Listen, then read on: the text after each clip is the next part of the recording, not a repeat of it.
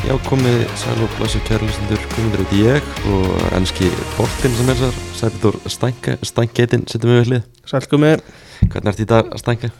bara ágætur með að við allt og allt mánudagur, alltaf erfitt en man, maður er að ná sér bara svona hægt og rólega. Kekja, og við erum búin að fá frábæran gest í dag, Hallgrimur Indriðarsson, fréttamar á Rúf, verður velkomin.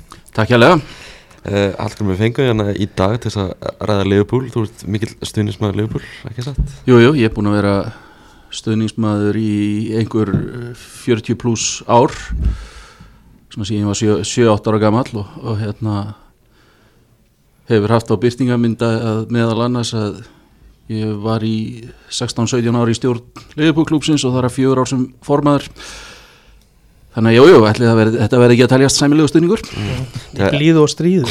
Blíðast Já, það má segja það Það hefur nú ekki alltaf verið dans á rósum. Nei, ekki, ekki aldeilis en, en hérna en maður bara hefur þá í huga hérna þessi það, það eina mörgum spagmæður með Bill Shankleys uh, hérna ef að þú stiður okkur ekki þegar við gerum jafnteflið að töpum þá skalt ekki stiði okkur þegar við vinnum.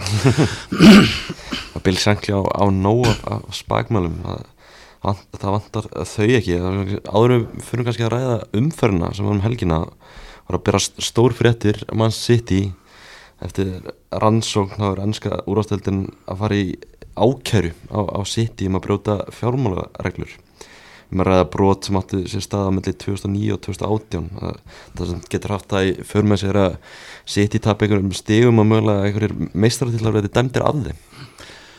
Sko ég, það, sko, það er alltaf maður getur alltaf sagt betra seint en aldrei afsakið. Það, það ég held að það sé bara ljóst hverju manni sem er að fylgjast með því hvernig sitt ég er rekið og þetta er ekki rekið samkvæmt reglum og það, það bara blasir við. Uh, náttúrulega sko knastbyrnusambandi Evrópu reyndi að hérna koma svona einhverjum lögum yfir þau fyrir nokkrum árum og ég held að það hafi endað í sektum en ekki að þeir hafi verið dæmdur úr meistaradeildinni þannig fyrir nokkrum árum sem þeir hefðu átt skilið og miða við þá málsmeðferð þá er ég ekkert sko neitt ofur bjarsýtn á að þetta verði einhverjir, einhver mikil meiri refsing heldur en einhver hásekt sem er náttúrulega ekki há í augum eigenda uh, mannstu sitt í en auðvitað gott að já, það er auðvitað jákvætt að það sé svona rannsók farin fram og allavega út á við sé verið að, að hérna, taka á þessu en miða við reynsluna þá er ég ekkert bjarsýtn á að sitt í, út úr þessu komi það að sitt í fái einhverja refsingu sem að svona munar eitthvað um eða svona, já, svona tekur í hjá þeim Hvernig lístur á þetta stækja? Þú veist, hvað eru að tala um mögulega refsingu? Er eitthvað svoleiðis komið Ég, fram? ég heyrði bara að tala sem þetta voru fréttamann í Englandi byrjar að tala um að það getur tapað mögulega einhvernum stigum Já, bara hverja einasta tímabili sem að brot var. Það hlýtur að vera Ég var fór að hugsa strax á hann veist, ef við tapað stigum þessu tímabili eða mikill stigafjöldi getur við séð Pep Guardiola þjálfaða liði í Championship til þetta tímabili? Já, menn, en það er satt ekki verið að dæma fyrir þetta tímabil.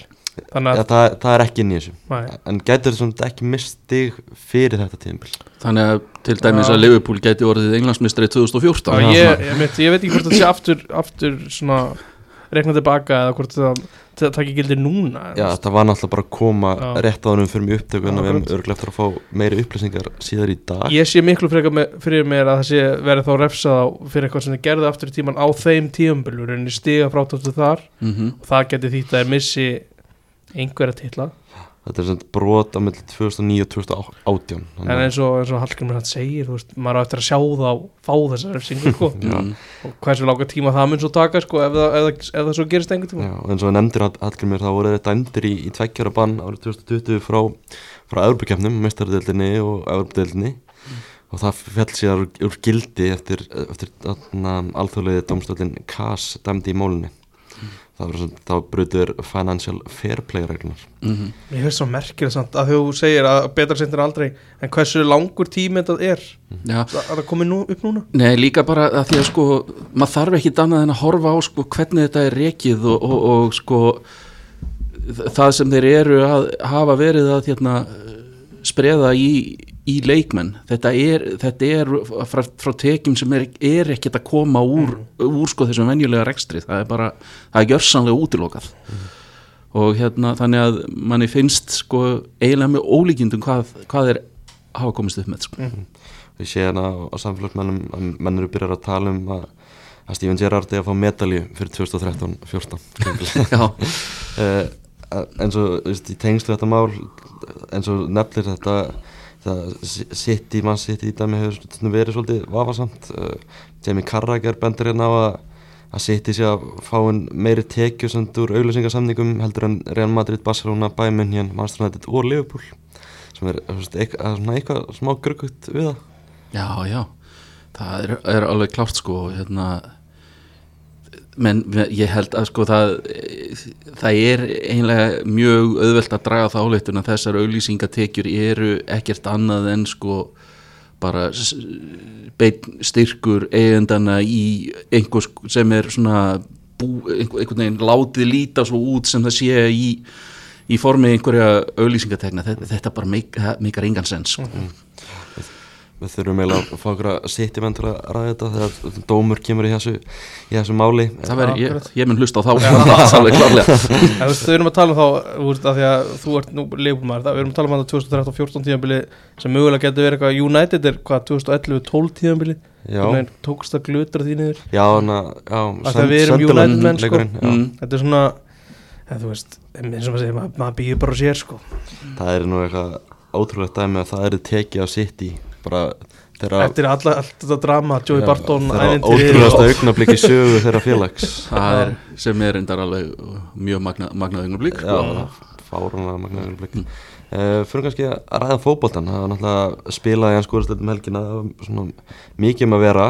Hann að ástæðan fyrir við erum að fá því hann að þáttalgjum er að leikurinn hann á lögadaginn mm uh, Úlfarnir Liverpool já, 3-0 mm já, hvað ekki maður sagt um þetta sko hérna maður, menn svona töluðu um að hérna eftir þennan þennan hérna Brighton leik fyrir hvað hálfu mánuði að þá hefði sko liðið hérna farið á botnin já, þessi leikur var nú öllu verri.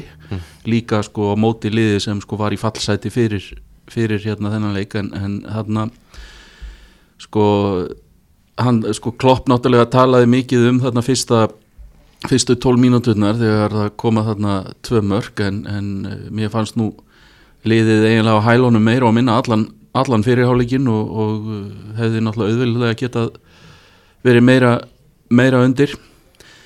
Síðan kemur svona einhver smá kraftur í, í byrjun setni háleiks en uh, núna var maður bara komin á það á, á sko það stig og er búin að koma, komast á það stig með því að horfa á síðustu leiki að maður hafði aldrei trú á að þeir myndu snúa þessu við. Uh, maður, eins og til dæmis þetta titla tímabilið þannig að 2019-20 þá sá maður þetta svo fó, þetta sagt svo oft hjá anstæðingum Liverpool. Að Liverpool kom að krafti var 2-3 lifir í háluleik og svo kom anstæðingurinn eitthvað kannski aðeins með meiri krafti í svona byrjun setni háluleiks og kannski náðin einu marki en maður hefði samt aldrei trú á að þeir myndu sko ógna eitthvað sigri Liverpool og núna er þetta bara búið að snúast við. Og uh, þarna bara horfið maður á lið sem er jú vissulega laskað af uh, meðslum á ýmsum stöðum sem við kannski komum að, að hérna nánar á eftir. En uh, nú bara horfum maður á lið sem er gjörsanlega rúið öllu sjálfströsti og hérna það eru öruglega einhverjar margar ástæður sem við því sem við kannski líka krifum aðeins á eftir en það er þetta sem uh, eiginlega svíður mest við að horfa, horfa á liðið núna, það er svona menn svona uh, bæði sko það vantar svona yfirferðamenn, það vantar reyfingu, þegar mann komast í sjensa þá taka mann vittlösar ákvarðanir og uh, síðan bara í hvers skipti sem anstæðingurinn er í sókt þá er hann líklegur til að skora. Þetta, bara, þetta er bara lið sem hefur bara á, örsk, svona á örskuminn tíma uh, mist allt sjálfströst og þetta er bara, það er bara staðan er bara uh, alvarleg. Nákvæmlega. Uh, Þessi leikur á mæti ef við skoðum bara þessi töfluna Wools er það liðið í deildinni sem hefur skorað fæst mörg af öllum liðum. Mm. Með þess að eftir þennan leik þar sem þeir skorað þrjú mörg þeir bara búin að skora 15 mörg í 20 leik á Mm. tímabili og sko, takk samt að skora þrjú mörg á móti þessu liðbili Já, já. Reyndar skoruðum við eitt mark fyrir þá þarna. En- Já, John Matip náttúrulega með sjálfsmark í byrjun leik. Já, já, en hérna já, þetta bara, þetta bara segir sitt. Og það sem er líka sko og það, það sem er svona kaltæðinslega við þetta er að einn af svona fáum leikmönnum sem hefur svona haldið, haldið sínum standard í þessum leikjum er Alisson, markmaðurinn. Hann eh, hefur svolítið bjarga því sem hægt, hægt var að bjarga í, í vetur. En náttúrulega sko við erum þarna í þessu tilkið við erum með sko tvo bestu miðverðina meita og sko Matip og, Gómez Matip er fít þegar hann er með einhvern leiðtóa með sér. Gómez er bara á niðurleið því, því miður. Og uh, þó að hann sé ekki, ekki gamal og hérna þegar, þegar bara staðan er svoleiðis og bara breytin kannski ekkit ekkert meira en þetta þarna, þarna var kannski spurning hvort að það hefði mátt henda hvort að Nat Phillips hefði ekki reynlega verið betri kostur en, en allavega Gómez í, í, hérna, í þessum leik svona með að við hvernig þetta hefur spilast. En já, þetta, þetta sem þú ert að benda á bara segir sitt að við hérna séum sem sagt uh, að uh, fá á okkur tvö mark á fyrsta korturinn á móti miða við tölfræðina vestasókniliði deildarinnar. Mm, Já, algjörlega, Vesta, vestasókniliði deildarinnar tímabilið, leifbúlina í tíundasæti með 29 stuðu 20 leikjum. Um, veist, það byrjaði ágætlega eftir háanpásina að vinna hann að Aston Villa og, og Leicester, maður held einhvern veginn svona, þessi Lest var einhvern veginn að fara á stað veist, við það, eftir þess að tvo sigurleikið hana Já, maður batt alveg vonir við það og, og svona ég bjóst, við, var að vonast til að, að HM pásan myndi kannski gera liðinu gott, þetta hafi verið svona brokkeng fram fram að henni. En uh, það hefur bara verið eiginlega öðru nær þetta og það sem er kannski eiginlega uh, það sem manni finnst eiginlega vest líka svona að horfa upp á upp á með það er, að, er hvað hérna hvað Mó Sala er búin að vera bara hreinlega lélegur í, eftir eftir, hana, eftir þetta háimli hann hann var reyndar ekkit sérstakur sko hann er reyndar ekkit búin að ná sínum hæðum bara líka við síðan bara eftir Afríkuketnina hérna í fyrra. Mm, og maður held veginn með Sala náttúrulega að fær frí á Akkurat. Það myndi koma endunarið Þa, það, það er nákvæmlega það sem maður var að vonast eftir. Það bara hefur því miður ekki verið þannig. Hvort að hérna það hafi eitthvað með hérna það, að, það hverju mann er að spila með ég held ekki því manni finnst þetta svona manni finnst bara ekki verið sami svona krafturinn og, og sama vinslan í honum og, og hérna og hefur verið. Og þar á leiðandi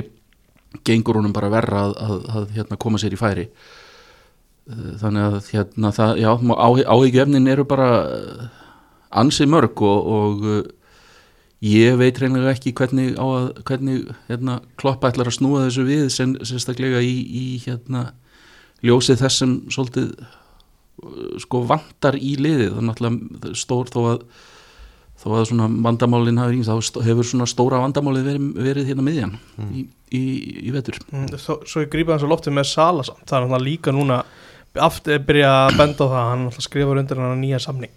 Og eftir það hefur þetta veist, þetta er Afrikumóti en, en líka svona mingandi vinsla og allt.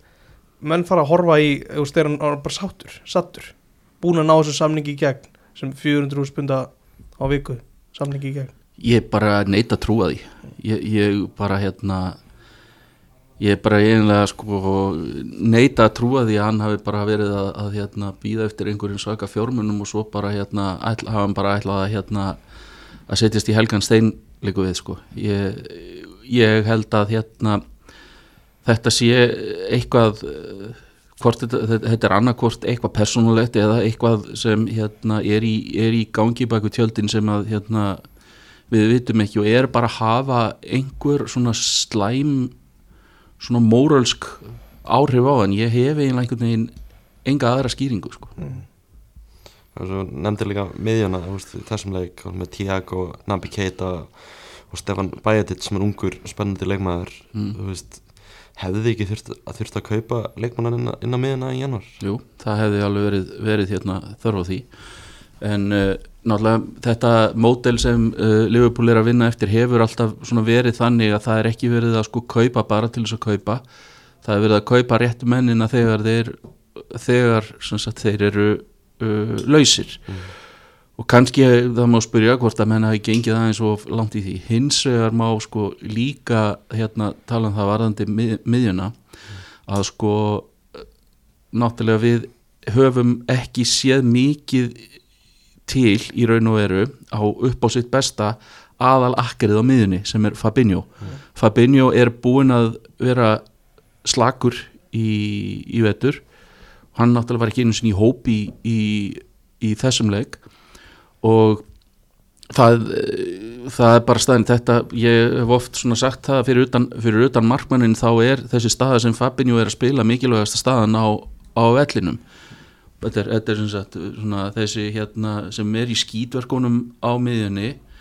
Maður sem svona hefur yfirferð er alltaf á réttum stað, veitir vöndir, vörninni svona, svona vend og ha- þegar, þegar Fabinho er, er bara ekki upp á sitt besta og við erum í raun og veru sko valla með mann sem gæti spilað þetta. Henderson gæti svona dottið inn í þetta á, á, á svona einhverjum tífampunkti en, en, hérna, en ég held að hann sé, sé ekki þar núna og, og hérna þe þetta er í raun og veru sko rótin af eh, þeim vandamálum sem hafa verið verið á miðjunni. Og náttúrulega þegar það vantar þetta cover þá lítur restin af miðjumennunum bara daldið ítla út þegar það er kannski verið þegar þeir eru að hleypa mönnum í, í gegnum sig og, og, þur, og kannski, og þurfa kannski að fara sína varnaflutverki þegar þeir eru ekkert sko ekkert endilega vanir í að, að hérna, gera það.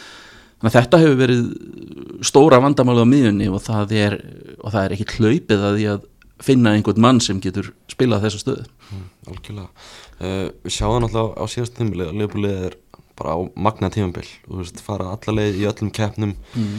uh, eru eiginlega bara nokkuð nált í að vinna ennsku úrvastöldina í loka umferðinni Mhm. ótrúlega, svona, maður lítið baka eiginlega ótrúlega loka umferð Já, já, uh, farið náttúrulega úsleik meistareldunar tapaður mæti Real Madrid vinna tvo bygara mm eiginlega bara frábært tímabil í heldina og svo ertu komin yfir þetta tímabil. Uh, hvað bara hver er munurinn á síðast tímabili og svo þessu tímabili sem er í gangi núna? Helsti munurinn að þínu mati? Uh, það er náttúrulega eitt stór munur uh, Sadio Mane mm.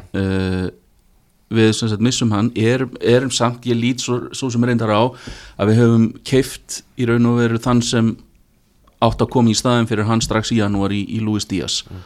Og Luis Díaz er náttúrulega mittur núna en hann, ég held að við værum reyndar ekki í svona vondum málum ef að Díaz væri, væri heill. En náttúrulega fyrir utan hæfileikana sem manni hafði þá var alltaf svo mikill drivkraftur í honum og ég held kannski að mögulega hafi hann haft svona meiri smitandi áhrif á liðið og svona hafi kannski hrifið menn meira með sér heldur en kannski að, að hérna menn, menn bara gerði sér grein fyrir, hann er líka bara svona þannig karakter. Þannig að sko þó að við höfum uh, fengið leikmann í staðin fyrir manni þá held ég að við höfum mist, mist þá svolítið mikinn karakter sem okkur kannski uh, hefði svolítið hérna vantað núna. Uh, síðan er, er held ég mikilvægi hérna Roberto Firmino verulega vanmetið. Uh, þegar, þegar þessi sóknarþræna Salamanni Firmino var upp á sitt besta þá uh, var ég alltaf á því að Firmino væri eiginlega svo mikilvægast sko, í, í þeirri þrenningu bara út af því hversu svona gott auga hann, hann hérna hefur fyrir spilið og hann sé ekki reynrættaður strækir sko, þá, þá hérna tekst honum einhvern veginn alltaf að finna réttu, réttu leiðina á uh, þá sem eru með sér réttu sendingan og réttu ákvarðaninnar hann hefur bara of, ofsalegur svona fótbolta heili.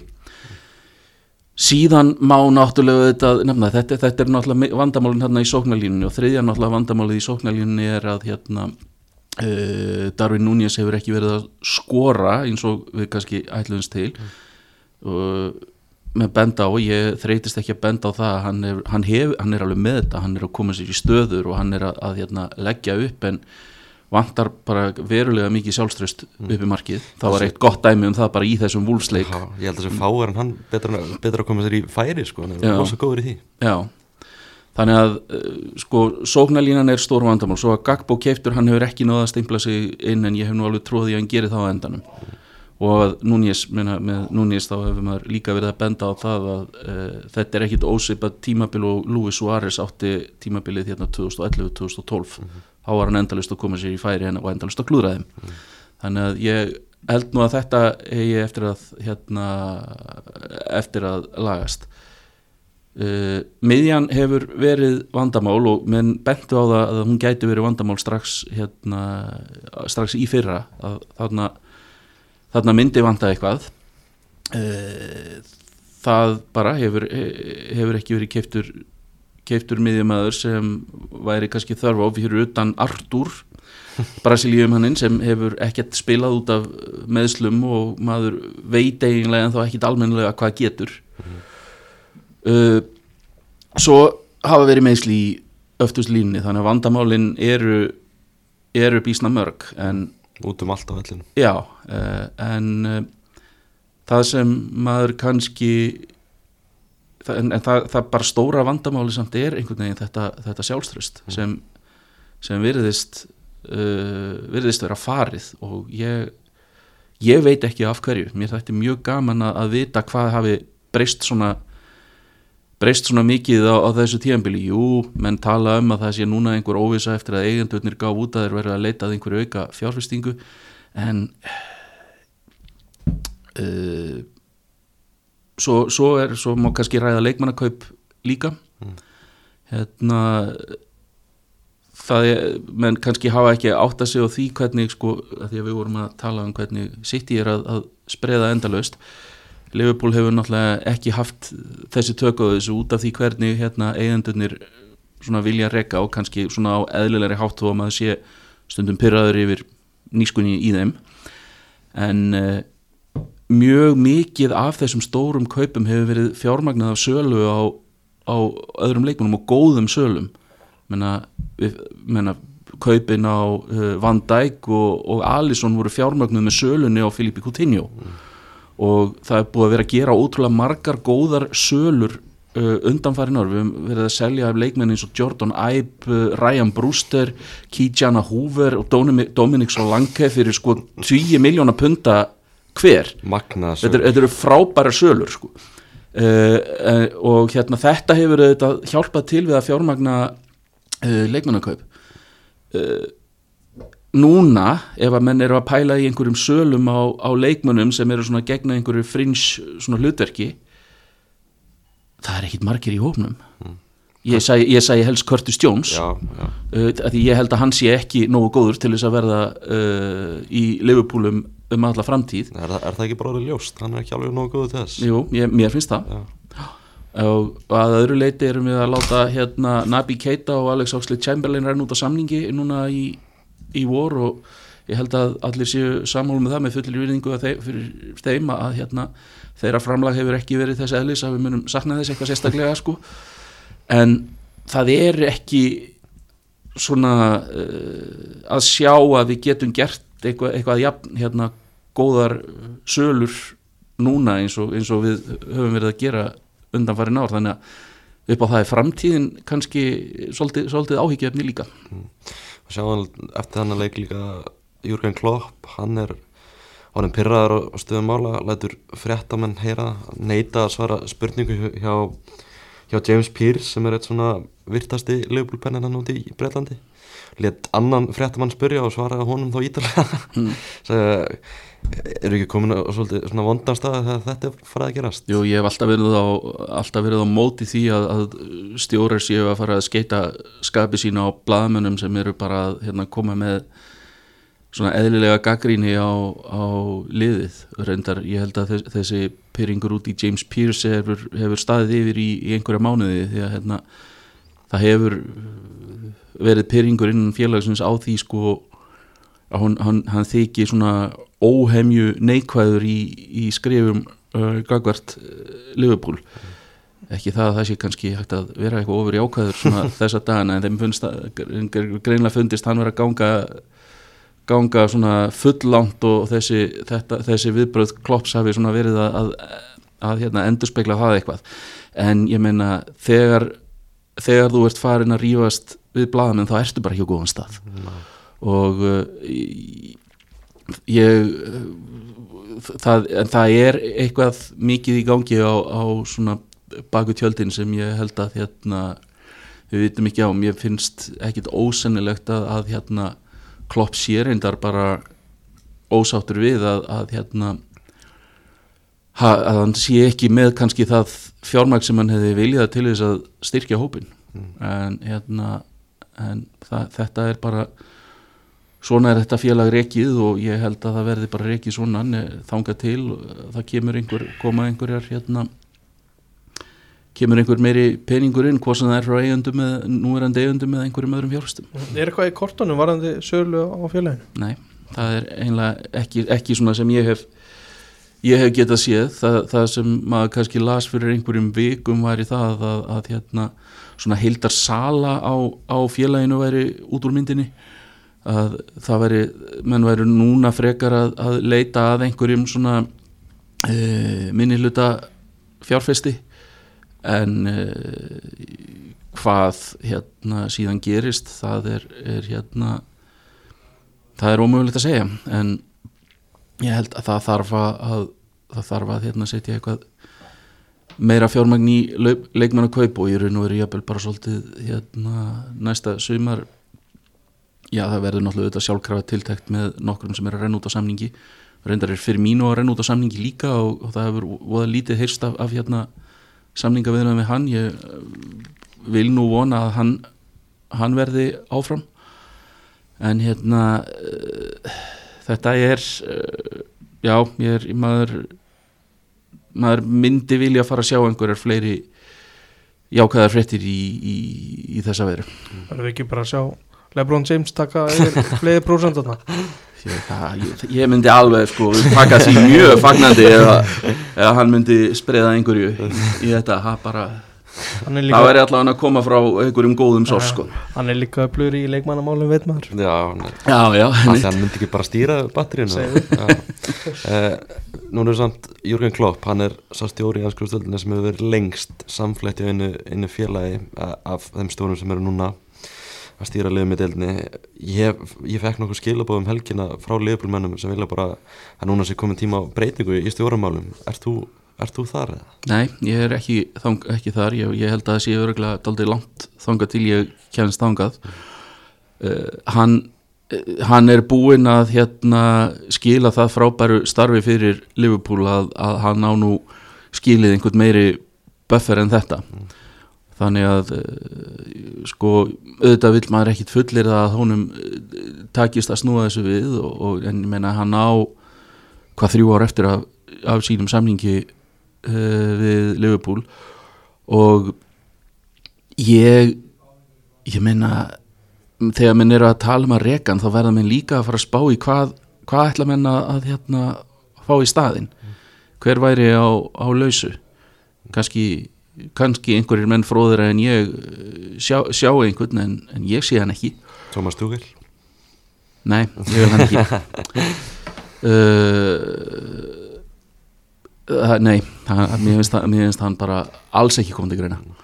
Bara miða, miða við uh, svona ég, ég reyndar á því að hann hafi verið reikin og snemma frá Chelsea en, en hérna en mér finnst hann ekki ekki, hérna, ekki rétti maðurinn fyrir Liverpool þannig að hérna ég ég held að við verðum að, að hérna gefa honum meiri tíma og allavega lámark fram á, á hérna fram á næsta sumar. En, uh, en náttúrulega eigendurnir verða hins vegar eh, síðan að svona pæla í því sko hvað, hvað þeir ætla að gera síðan þegar uh, að því að það er afskaplega fátt sem bendir til þess eins og staðan er núna að við séum að ná mestratildasæti hvernig, hvernig þeir ætla það, það verður ekkit hjá því komist þá að hérna, þeir verða að setja meiri penning í því að náttúrulega mótelið gengur bara út á það að Liverpool sé í mestarhildinni og uh, það er náttúrulega mikið fjárhagslegt áfall að, að, að komast ekki þangað.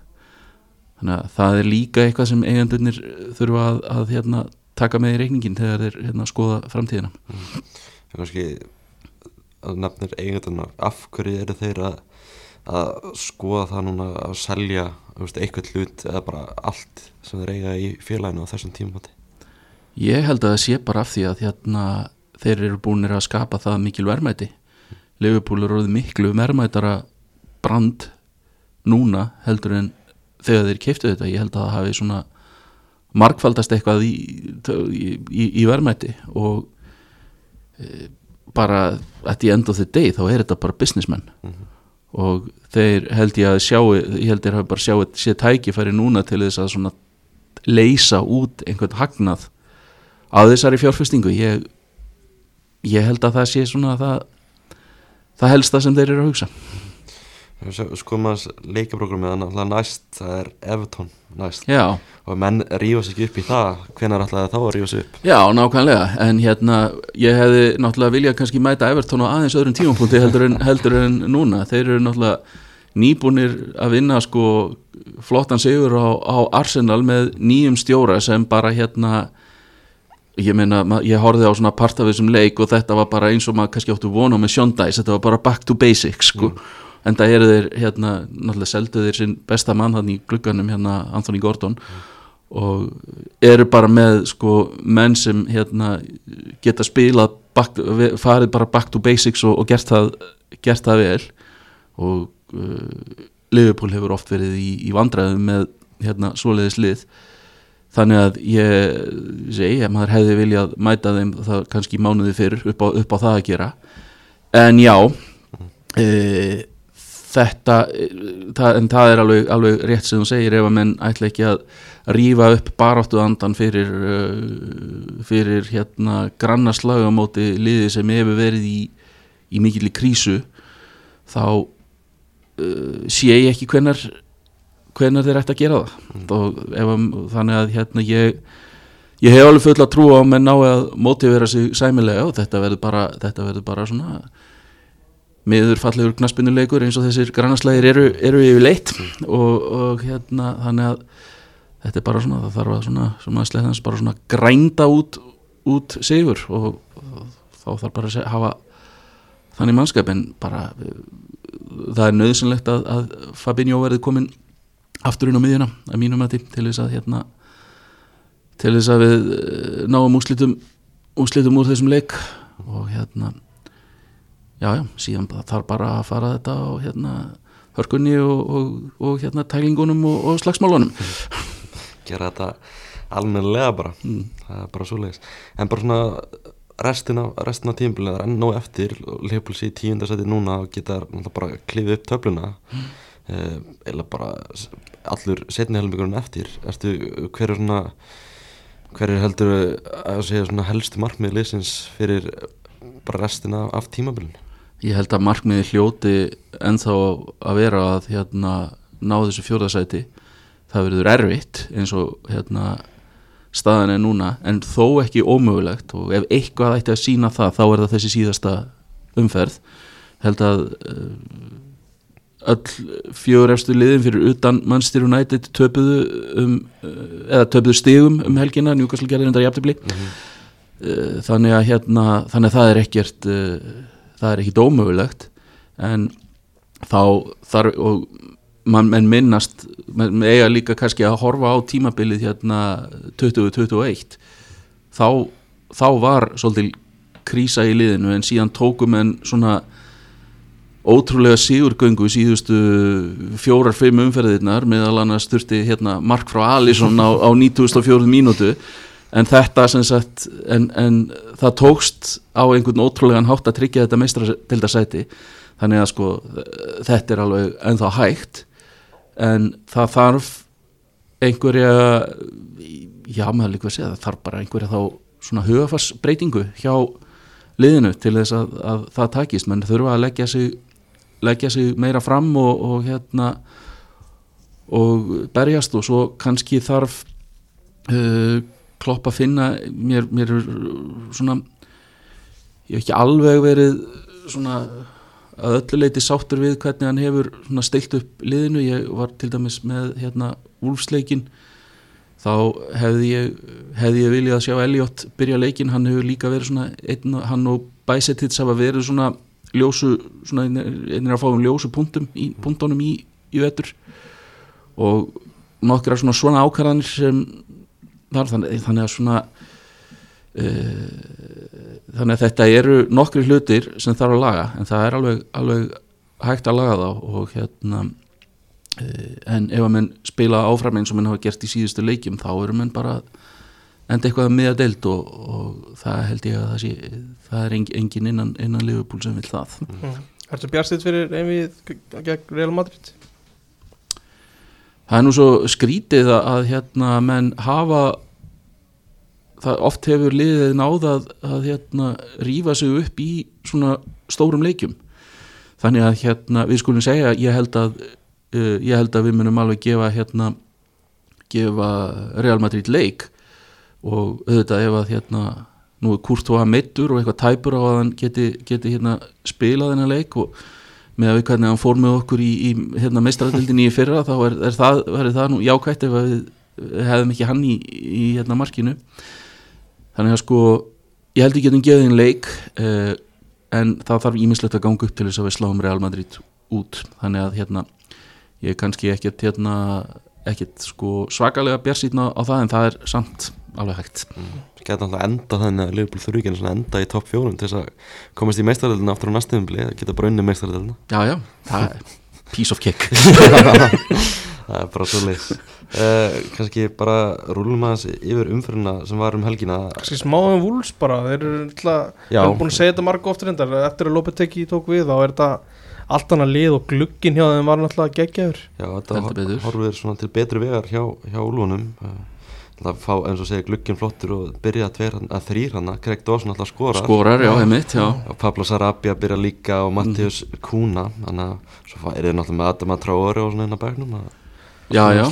Þetta var ekki, þetta var, ég veit ekki, ég var að horfa á bekkina ég, Mér fannst þetta bara að vera svipa Svipi breytin eitthvað með einn annan Mér fannst Mm. jafnvel meira spennandi sem ég var að sjá vúls með einn sko. Já, það má alveg, alveg Fegst Rál Færa Hímenis rök inn fyrir sem að Eða kannski horfður sögulegt kannski þar frekar. Já, ég held að það en veri nýlegt. meira þannig En já, já, já, nei, ég hef, ég hef haft hérna gaman að sko Wolfs hefur bara undanfarin ár verið bara það hefur verið gaman að mér finnst þér hafa líkað upp á, upp á deildina þannig að ég vil allavega alveg endilega sjá það og halda sér uppi og hérna, já, það hefur bara verið rosalega gaman að að fylgjast með þeim þó að þeir hafi svona þeir, þeir eru auðvitað lendu í ströggli eftir að hérna, Spiritu Santu yfirgaf félagið en hérna en að auðvitað að fá bara að fá hérna það- það- ég, þetta sko ef að, ef að hérna maður hefði sagt fyrir tíu árum að maður á því kaliberi sem Lopi teki er væri að fara að þjálfa maður, það hefði maður hefði sko beðið viðkomandi um að hérna, leita sér aðstóðar sko, en, hérna, en já en þetta er bara, er bara gaman að því og bara frábært að, hérna, enski, enska dildin sjóðan svona aðlaðandi að, að hérna, maður á hans kalibari vilji fara að þjálfa liðins og Wolfs við höfum náttúrulega verið að tala um þetta sko, sérstaklega eftir félagskiptaglögur núna. Ennska úrvastendin sé bara orðin eins og svona superlík sem voru að tala um hann um árið já, það, það er svona fyrir að nálgast það sko. Já, náttúrulega gæði sem hefur þjálfað Real Madrid og spænska landslið bara mættir í úlfana sko. nákvæmlega frekar ruggla dæmi mm. uh, en á föstaskvöldi þá spurði menn því hvort Chelsea þurfti mögulega eða kannski svona 100-200 miljonum pundum, meira til þess að skora eitt fótboltamark uh, gerði markalast játtöflu múti, múti Fulham uh, Enzo Fernandes og, og Mikael og Mudrik koma báður inn í byrjunlið en þetta Chelsea lið þeir ná bara eitthvað en ekki að, að skora. Já, maður veit eiginlega hitt hvað er. Þetta hérna ma- maður kannski þarf að gefa því aðeins sko séns að þetta séu svona uh, nýja leikmenn, ég, ég er farin að velta því fyrir mér sko og þetta á kannski tíminn eftir að leiða þetta í ljós hvort að þetta hafi bara reynlega verið aðeins of stórt skref fyrir Graham Potter að, að taka. Að vera þjálfa svona lið eins og Brighton sem hérna var sko bara fínt fótbolltalið en ekki með miklar væntingar og í, yfir í þetta stóra verkefni. Hvort þetta sé hafi kannski verið já, aðeins meira en hann, hann hérna kannski ræður við en, en hérna já, þetta, þetta, er, þetta er mjög hérna skrítið. Það sem kannski kemur líka mér óvart að maður að, að hérna maður eins og Ræm Störling að, að hann hafi bara einhvern veginn koðnað líka við niður í þessu þessu liði eins og, eins og hérna flottur og hann nú hefur verið en já, ég, ég maður svona kanninga skýringar á þessu en auðvitað mm, maður, það er spurning við eigum náttúrulega ennþá kannski eftir að sjá hversu vel allir þessir nýju menn sem þið kefti í janúar séu fara, hvernig þeir fara að stimpla, stimpla sig inn sko. þannig að við getum kannski alveg gefið, gefið þeim svona smá séns á því Mm. En svo leit bara vel út í þessum leik Já, Já. fannst þið það? Já, mér finnst það bara flottur Mér finnst það bara samfærandi en að Múdrik var með eitthvað kvef, greiði kallin Já, Náðu sér ekki alveg að strikk Nei, hann, hann átti í hérna Liverpool-leiknum kom hann inn á í sínum fyrsta leik og náttúrulega þetta var alveg sá leikur reyndar var alveg skelvilega leiðinlegur en, en hérna, en það var það kom alveg þá smá líf með, líf með honum sko. Við erum að sjá samt Chelsea er alveg bara í verri málum en, en Liverpool. Já, sem er eiginlega Ótrúlegt með að við, með að við mannskap sko. já, þeir eru að leggja ansi svona að taka ansi mikla áhættu með eða svona miklum peningi. Æ, Þeir eru náttúrulega bara að stefna að komast í topp fjóra á þessu tímubili og maður heyri það sko að þeir verði bara í vandræðum með svona finance fair play ef við lenda ekki í topp fjórum þessu tímubili Já, út af öllum þessum peningu Það sem er nú þeir einhvers þar að fá ykkur engum á móti Já, það það er bara svo leiðis En einmitt. Havertz, ég, bara, ég næ ekki upp í þessa ákvörðun að negla í alla þessa leikmenn og ætla að treysta honum sem fyrstu nýju á vellum, ég næði því ekki. Nei, þetta er það er margt einhvern veginn mjög skrítið í, í, í, í gangi þarna og, og svona já, ég er að, ég set svolítið ég set bara svolítið spurningamerki við við Potter sem sem stjóra, hann sé bara hreinlega rétti maðurinn í þetta jobb sko. Við erum líka að sjá núna Potter, hann er alltaf feð fór Brighton og þeir halda áfram bara einhvern veginn að sallin stegum Mm. og eru fyrir ofan í töflinu fengu Robert Di Serbi til að taka við þeir eru unnu Bornmoth einnum helgina og hann er að taka þetta ítalinin einhvern veginn taka þetta bara upp á næsta steg með Ka Kaoru Mitoma sem, sem, sem aðal mann já það er maður kannski svo, það er sko, ég hérna ég held kannski að það hefði meiri áhrif á þá að hérna selja trossart sko. Mm. Að, ja, hann, hann er búin að vera djúvill góður, góður fyrir þá í, í vettur en, en ok, þetta, þetta er reyndar skulum kannski taka, taka það með í reikningin sko.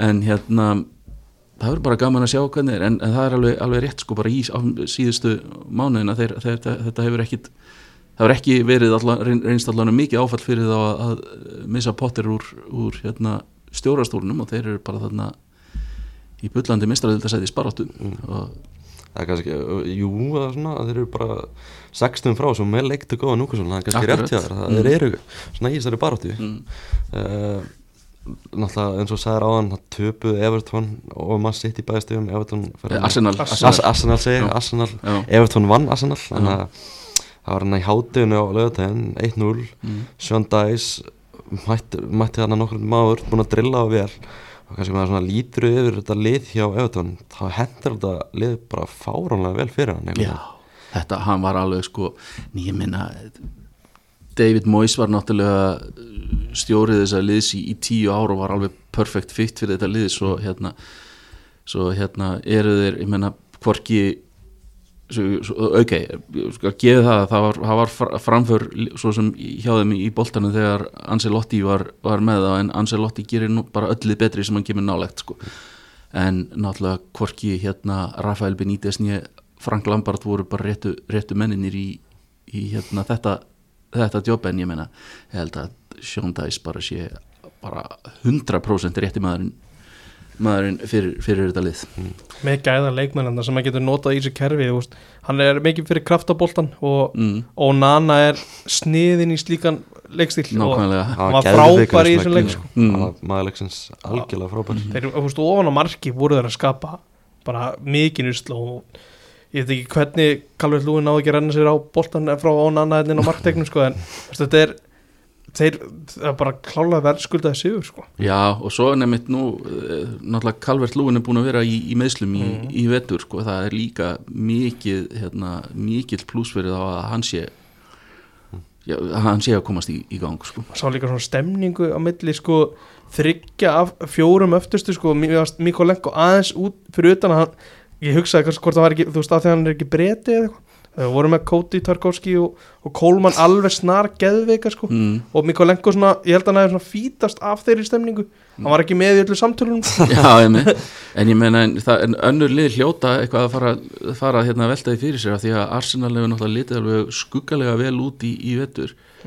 Þarna er kannski komin leið til að, að hérna, stoppa það bara, bara, fara, bara mæta, mæta þeim á geðvikinni sko. Og Arsenal, þú veist, þeir voru ekki góður í þessum leik. Everton, Everton vann XG bardaða með þessu allt sko. Já.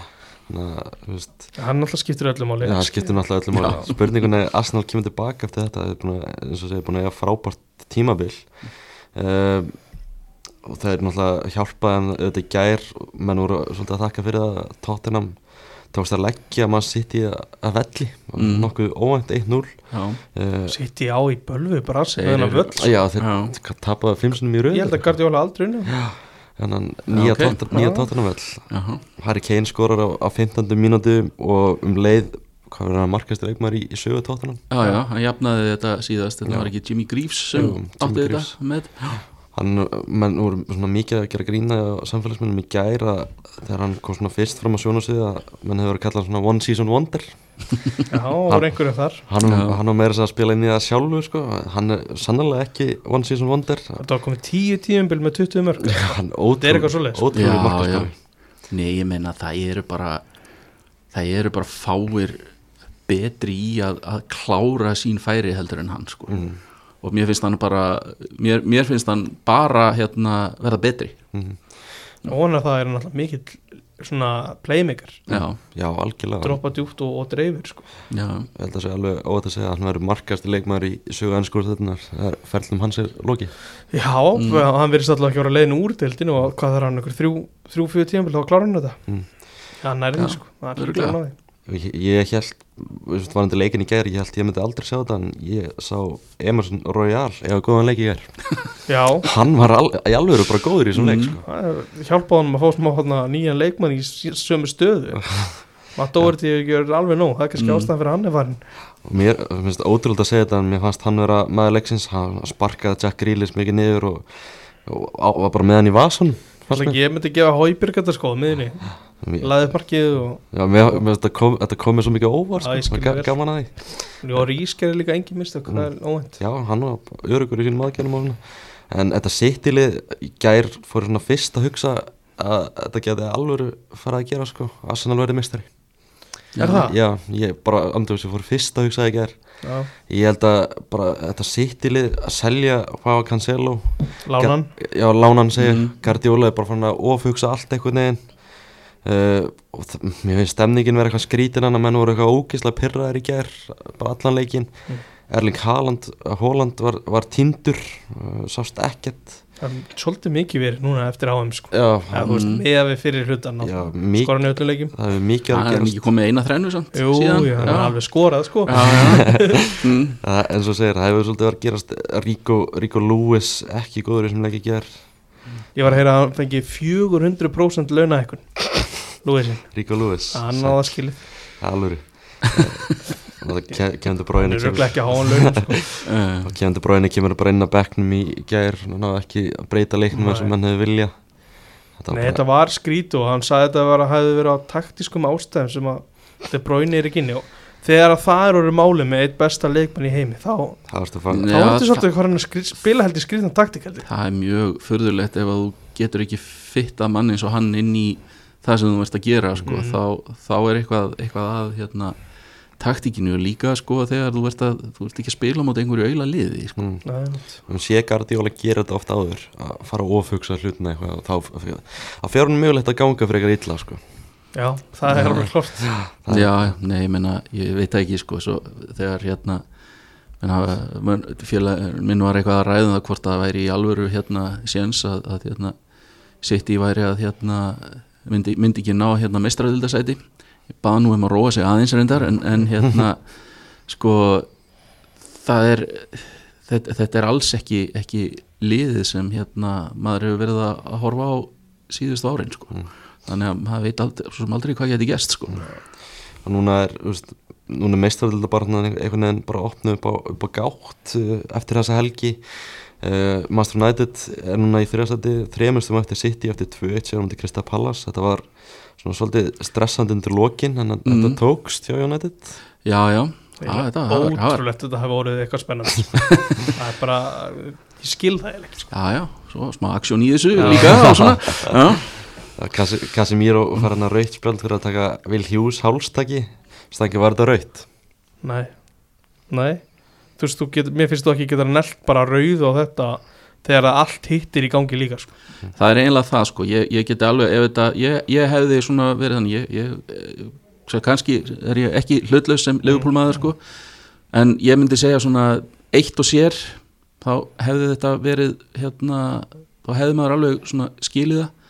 En, en einmitt í ljósi alls annars sem var í gangi þá hefðu kannski nokkri fleiri átt að fóra eitt líka sko. Þú veist, var hann í einhverju lífsættu þú ég veit að maður, ég er kannski að fara að ganga svolítið langt með þetta. Já. en af hverju er ekki, þú veist, það er getur verið að vernda Antoni í þessu atrið þegar honum er grít þarna út í Var ekki- auðlýsingaskip var ekki Fred, Fred líka þú veist, þetta er, er svo skrítið. Já, Já, og, og, And, and, hvað, Jordan Ayew var í einhverju, al- hann var í svipuðum töktum og Casemiro þarna, orð fram með því. Og Casemiro náttúrulega hann að fyrir þryggja bann núna Já. hann missir að tveimur leikjum mútið Leeds og hvað talaði um að, þú veist, ef þeir áfríða þá geta mista úrslutaleiknum út af, þú veist, auka leik og okkur svoleiðis, Já, sko. akkurat ekki það sem aðstofna þarf núna að missa, missa Casemiro á miðinu sko. Er svipað og, og missa Fabinho fyrir Liverpool Það er nákvæmlega. enn verra fyrir United að ég- það var að fá Scott McTominay inn á miðsvæði sem er ekki Mhm. gott sko. mm, Já, Sabitzer þarf bara að vera frábær mútið lítst til þess að sáleikur vinnist Já, algjörlega mm.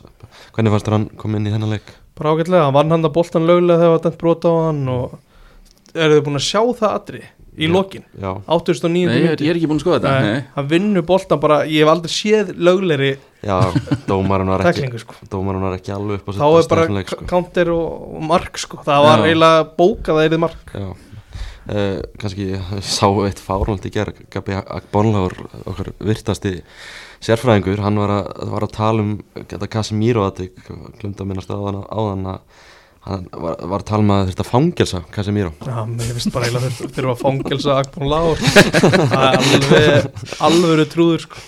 Þannig, kannski var þennan leik Lisandro Martínez Frábær. menn voru að tala um það fyrir á tímbilinu Jamie Carragher er svona kannski hæst að hann var úr lítill í afskólustelina hann er bara búin að afsanna það bara búin að vera algjörlega stórkvæslegur var það í þessum leik líka Já, var hann að vinna einhverja skallabólt á hérna. já, það er Við bara, herðum ekki að þess að gefa karakter það Já. kannski þetta er ekki alveg leikur undir svo við það stærðina. Er bara staðsetningar Já, fótboltagreind og allt annað skæmaði upp á tíu sko. Hann er ekki Mm. er þér Já, hérna, eitt með And Andrei Marinu dómara samt, bara að leiðilegt að hlusta á svona röfl sko. Hann dæmdi, þú veist, bara ef þú horfir í heilda framistunum, hann dæmdi ekki eins og í víti þegar að boltin fór í höndin á gæðinum augljóslega, hann þurfti að fá var. Mér þú veist, dómara reyða svo of mikið á það það er, ég held að það sé reyndar, reyndar alveg rétt og, og náttúrulega þessi og ég, ég pyrra mig endalvist á þessu ruggli með rángstöðuna sko. Mm. ef að maðurinn er augljóslega rángstæður flaggaðu þá. Menn að þú ekki að fara að býða í, í einhverja, sko, einhverja halva mínútu eftir að eitthvað gerist og svo flagga þegar þetta er bara augljóst sko. maður sér það einmitt uh, þinn maður, og maður tekur eftir þessi á Van Dijk sérstaklega hann ennir, hefur engar húma fyrir þessu mm hann bara held ég að hugsa bara, það er einhver að meiðast þetta sko. já, já, hann verður brjálar þegar flaggi já, ekki sko. það komið mitt upp sko, svona aðtökið mitt í, í Wolfsleiknum það er mm. boltinn sko fór í hendina á honum og hann, hann hjælt henni svona úti Mm. og uh, ég veit ekki hvort að dómarinn hefði dæmt víti ef hann hefði sko ekki verið með var en var greinlega dæmtið þetta þannig að, að hendin hefði verið í eðlilegri stöðu sem, Mm. sem hérna mér sem mér fannst vera alveg á mörkunum sko. Já, já, því að hann var það einhvern veginn svona langt úti en akkurat. ekki það, við hefðum ekki dunnið þennan leik Nei. þó, fyrir það Eh, eitthvað svona annað sem stóð upp í premjörleikum helgina mér hafst uh, kannski svo fyrir óvænt hvað Brentford var ítla með Southampton. Southampton gerði alltaf svona mi mikla hluti í, í janúarglögunum menn kannski ekki alveg komnir og klárir í þennan, þennan leik en spurning hversu klár stjórin er líka í já, verkefni sko. Brentford vinnur leik 3-0 mm, og stunurmenn Southampton voru farin að syngja þannig í lokin að bara vilja losna við hann Nathan Jones. Já, það er það verður ekkert gengi í deildinu þó er að hafi bara vissulega gert ágætlega í, í, í hvað, bæð, báðum byggurunum mm að þetta er búið að vera ansi þungt sko. líka, þú veist, maður heyrir hann að gæja svona á fréttamunundum og svona ég hugsa pæli svona í hvernig hvernig honum gengur að móti vera leikmenn sko, því hann, hann er svona fyrir þungur Mm. og virkar ekkert rosa skemmtileg sko, hann, Nei, mitt það er ekkit, það er ekkit grín að vera knaspmiðstjóri sérstaklega kemur óvænt kannski inn í liði í úrsliðinu þetta er ekkit undirbúin fyrir allt svona mídiadæmi sem þú ert að sinna á svona. Nei og líka sko þegar þú ert í, í þessari stöðu sko sem hérna sem hérna Sáðantón er í þá kannski skiptir allavega máli að þú, að þú reynir að vera svona peppandi, reynir að, að svona halda móralnum uppi svona svona, svona klappamönnum á, á bakið og, og, og svona aðeins og, og hérna hann verðist ekki vera alveg, alveg svo típa sko. Nei, algjörlega hann alltaf er þið frækka vandræðat fyrir hann ef hann er þið reikin svo eftir að hafa tekið við bara hvað í oktober eða november sko. Annað eins hefur nú gæst já, maður hefur séð að gerast á þér. Um, fúla maður farið í gennum fjóra stjóra eða eitthvað síðast hefur uppi þannig að það hefur Mhm. maður hefur séð þetta gerast á þér. Uh, sátum núna á botnunum með 15 stíg svo erum við Bornmátt með 17 og Evertón 18 en þar fyrir ofan er, eru Leeds og Vestham Leeds náttúrulega tapar í gær fyrir Nottingham Forest og eiginlega ótrúlegt eiginlega Mm. ótrúlegt Keylor Navas hvað þrefaldur að fjórfaldur mestaraldarsjóðari mættur í búrið á Nottingham Forest mm, og mann að tala um lópa tekið á hann þetta er alveg skali dæmi sko. já, já. uh, hann á bara þannig stórleik þegar Forest finnur Leeds einur mm. Mm, geggjur framist að fyrsta leik hjá honum í Leeds var bara, já, mitt voru Leedsararna voru bara mjög góðir mm. En einhvern veginn ná bara ekki að tróða inn margir sko. Ég s- las að hann að Jesse Mars bandarækjumæðurinn sem er í brunni hjá Leeds hann er fann að byggja mennum að horfa á Redeem tíma á Netflix. Bandaríska landslið í körfubólta Já, það já, er rosa eru- þarna það eru reyndar það eru reyndar fínir þættir sko. hann er að keira Já. menn í gang með því Sko, sko. Þetta er gott efni, ég Já. Já, og Leeds er náttúrulega bara, veist, er í, er í baráttu fyrir lífið sinni, þessi pakki hana fyrir neðan er alveg, er, er alveg spennandi sko. Og hvað, já, það er að þú þurftir að setja, dæma þrjú lið niður núna, hvað lið eh, væri að fara niður?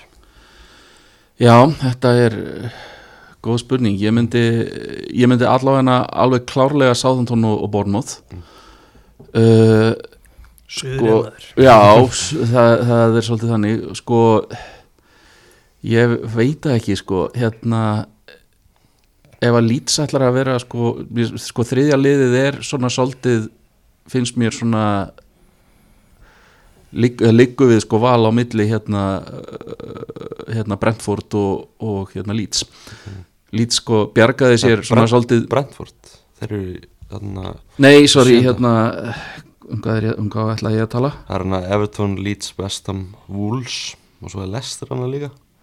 Nottingham Forest er svona aðeins búið að- búið að koma. Já, ég var allavega ekki, að- ekki með, ekki með hérna, Forest. Já.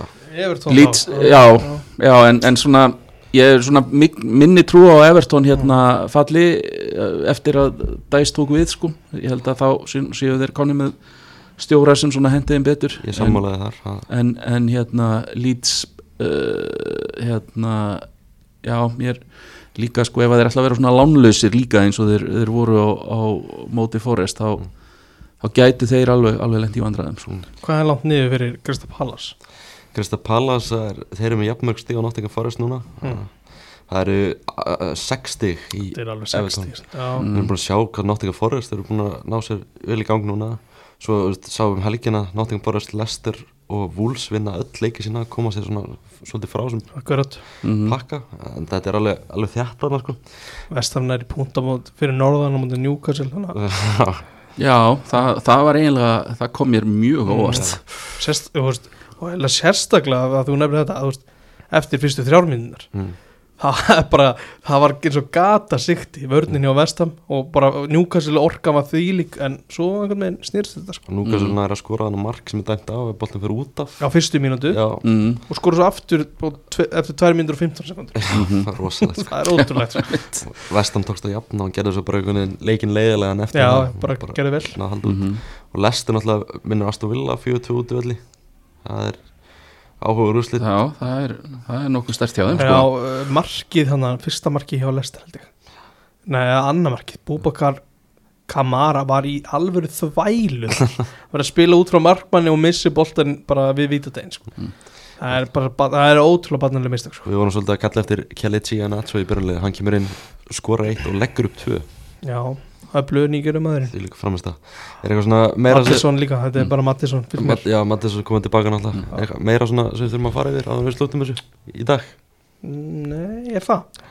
nei, held ekki Alltaf með eitthvað sem þú vilt koma að Nei, ég held að hérna, maður sé búin að ranta nógu mikið í, í, í þessum, í þessum þessum þætti en hérna ég, já, ég hérna nei, ég held að held að viska mín sé tæmt í, í þetta skiptið. Var einhver, hérna, var einhver svona uppháspunktur með þetta James Pierce dæmi, eitthvað sem að þetta fór fyrst að vera pyrrand Ég var náttúrulega skoða þetta og ég fann óða lítið sko. Já, ég veit, nei, ég veit ekki hvernig, hvernig svona þetta hefur, hefur byrjað eða hvort það sé, hafi verið einhver einhver ein grein sem hann skrifaði eða eitthvað sem hann sagði sem hefur valdið einhverju en, en þetta hefur þe- þetta er allavega ekki bara þessi, þessi helgi, þetta, þetta er búið að vera einhver og ég held að hann sé, það er svona sögur um það að hann sé bara hann sé bara, ég veit ekki komin, komin út af einhverju sakramenti hjá, hjá hérna, félaginu núna sko.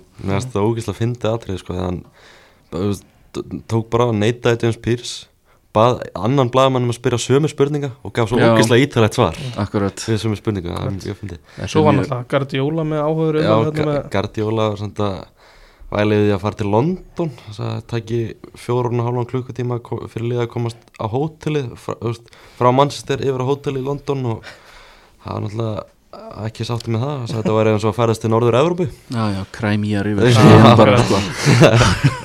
Guardiola er alveg með þetta sko. uh, næsta umferð það er náttúrulega tveir svona, svona leikir sem kannski standi upp úr þar. Það er Erki fendur að mætast Leeds, Manchester United og Alland Road það eru alltaf Það er skemmtilega leikir. náttúrulega núna á miðvikudaginn, það ekki?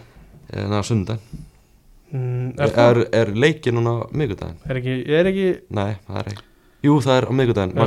Það er væntanlega frest, það er væntanlega frestaður leikur frá. Frestaða leikur Frá- eru aftur, eru tveir leikir á móti Tveir Liverpool? leikir í röð. Á móti Leeds? Já, Leeds, það verður alveg veistla Úff. uh, Old Trafford á miðgudaginn og svo Elland Road á sundaginn og svo náttúrulega næsta mándaskvöld Liverpool Everton Það verður alveg barátta og taklingar og, og svona eins og vorum að tala um. Já, já, ég bara Ég, ég er þið fór vombriðum ef að það er ekki sko. uh, Annars ætlum við bara að fara að slúta þessi dag. Takk kærlega, Hallgrimur fyrir að mæta og ranta þessum við Liverpool. Já, bara, bara takk fyrir mig. Já, og takk, takk fyrir samveruna Stænke